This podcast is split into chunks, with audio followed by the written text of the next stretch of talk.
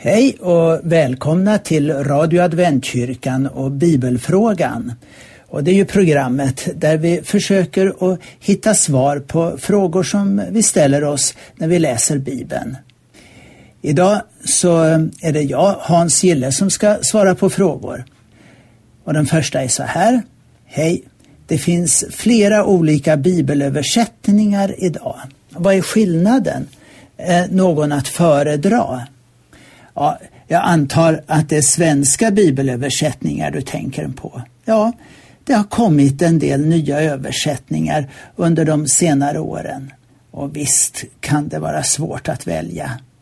Dels beror den på hur den ska användas men mycket handlar det om vad som fungerar rent läsmässigt för var och en av oss. Ta till exempel det man kallar för levande bibeln. Den är tänkt att vara mer lättläst och har ett enklare språk. Samtidigt är det många omskrivningar av ord så att det ska förklaras bättre. Och det gör ju å andra sidan att texten blir lite längre. Det kallas för att den är en parafras. För den är inte heller en strikt översättning, fras för fras. Är man ny med att läsa Bibeln så är den helt okej. Okay. Man kan ju också läsa den för att få lite ny inspiration i sin bibelläsning, så det gör jag ibland. Och det händer att jag tänker, står det verkligen så? Och så kollar man med en vanlig översättning och finner för det mesta att det visst går att förstå texten så. Och det kan ju göra det lite intressant. Men då texten inte är helt exakt så kan man också komma fel om man ska komma fram till vad Bibeln verkligen säger i en viss fråga. Vad gäller Nya testamentet så finns vissa översättningar som faktiskt är en persons översättningsarbete. Där har vi till exempel sedan ett bra tag tillbaka Hedegårds översättning och Bo Gerts översättning. Jag har använt dem båda med förtjusning. Det är ju så att språkligt sett så har var och en funnit ibland bra lösningar på översättningen, lite här och lite där. Nya testamentet finns också på något som kallas för Karl XIIs bibel eller snarare reformationsbibeln. Det är ett bibelsällskap som ger ut den. Den bygger, som hörs, på den gamla Karl XIIs bibel. Men där finns mycket nyöversatt och moderniserat språk. För den verkliga poängen är att den följer en lite annan variant på grundtexten, något som kallas för textus receptus, vilket var den allmänt erkända texten på reformationens tid. Luther följde till exempel den här texten när han översatte Bibeln till tyska. Och så också naturligtvis vår svenska översättning från 1500-talet och framåt då den först kom. Och så ända faktiskt fram till 1917 års översättning då det blev en svängning. För i 1917 års kyrkobibel var det en ny statlig översättning och där byggde man på en del fynd som han hade gjort utav äldre bibeldelar och det togs med i översättningsarbetet. Men frågar en del kanske bara för att man hittat äldre manuskriptdelar betydde det att dessa var mer ursprungliga? Hörde de verkligen till huvudfåran av bibeltexterna? Ja, vad jag förstått är det här diskussion som har pågått och går vidare. Och det där med lite variationer på grundtexten, det är jag inte särskilt bra på. Så har vi det som kallas för folkbibeln. Även den här översättningen var ett mer privat initiativ från en grupp kristna med förankring bland bibeltroende kristna. Den är en nyöversättning vad gäller Nya testamentet. Men Gamla testamentet är tills nu en reviderad form av 1917 års översättning. Den har en ganska lättläst form.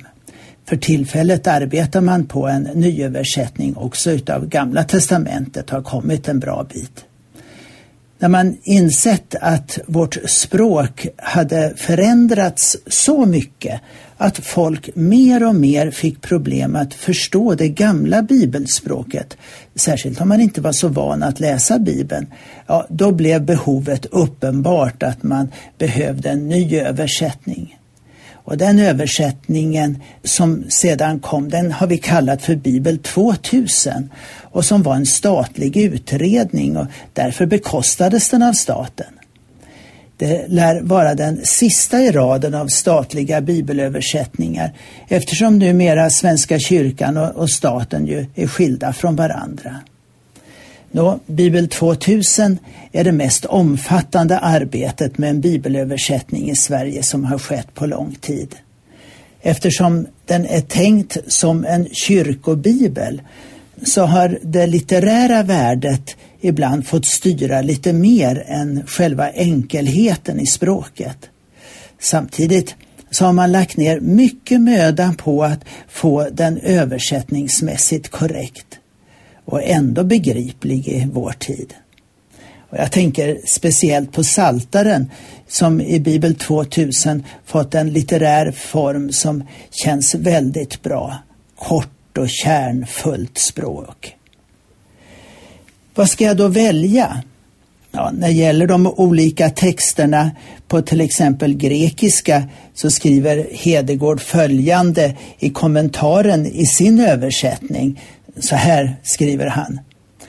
Finner man visserligen att skillnaderna är många men man konstaterar också att det i de flesta fall har liten eller ingen saklig betydelse.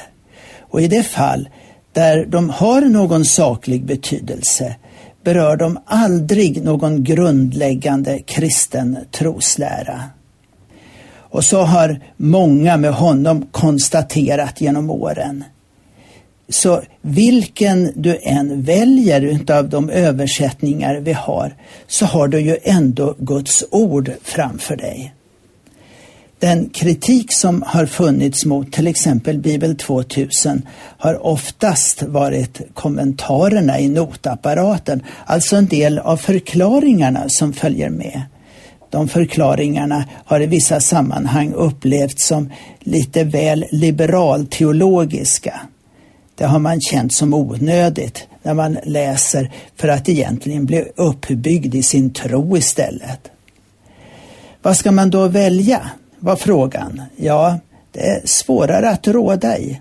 Alla översättningarna har ju sina för och nackdelar. Själv har jag fört ett ganska ambulerande bibelläsande vad gäller just det här med översättningar. Så jag har inte fastnat för just en. Jag har tyckt om att läsa dem allihop.